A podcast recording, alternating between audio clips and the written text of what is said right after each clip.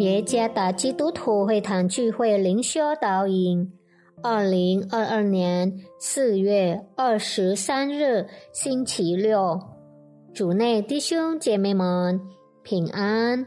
今天的灵修导引，我们会借着圣经提摩太前书第六章第十七节来思想今天的主题：给付族人的劝勉。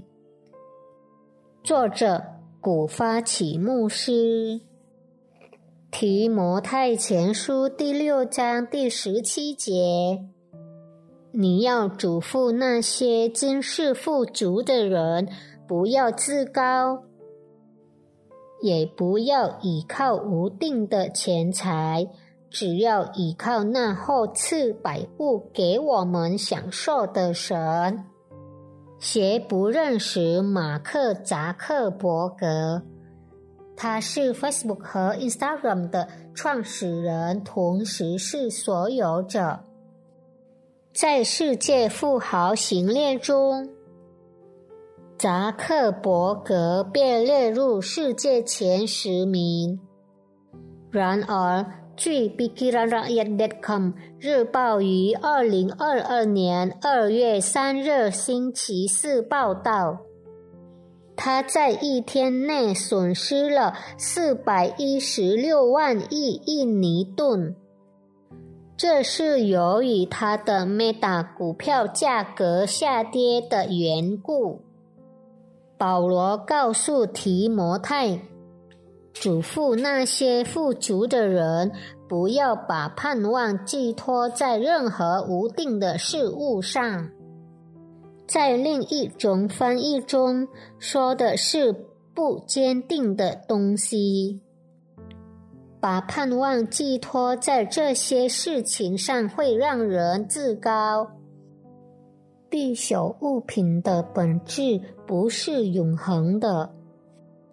总有一天会消失的，他们应该单单仰望神。保罗说：“神后赐百物给他们享受。神因着他富足的心，已将许多东西赐给他的子民。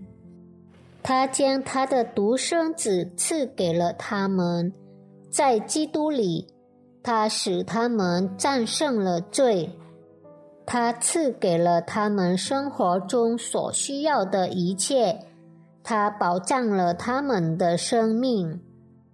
斜视富足人，每个人都有能使他们自高的财富，那些财富成为盼望的源泉以及生命的依靠。财富不仅包括物质，还包括自我潜力、智力、影响力、地位，甚至在侍奉的名位上。属灵的财富能使人自高，不再依靠神。愿我们继续不断的成为依靠和仰望神的人。不要把盼望寄托在你的财富上，仰望神吧。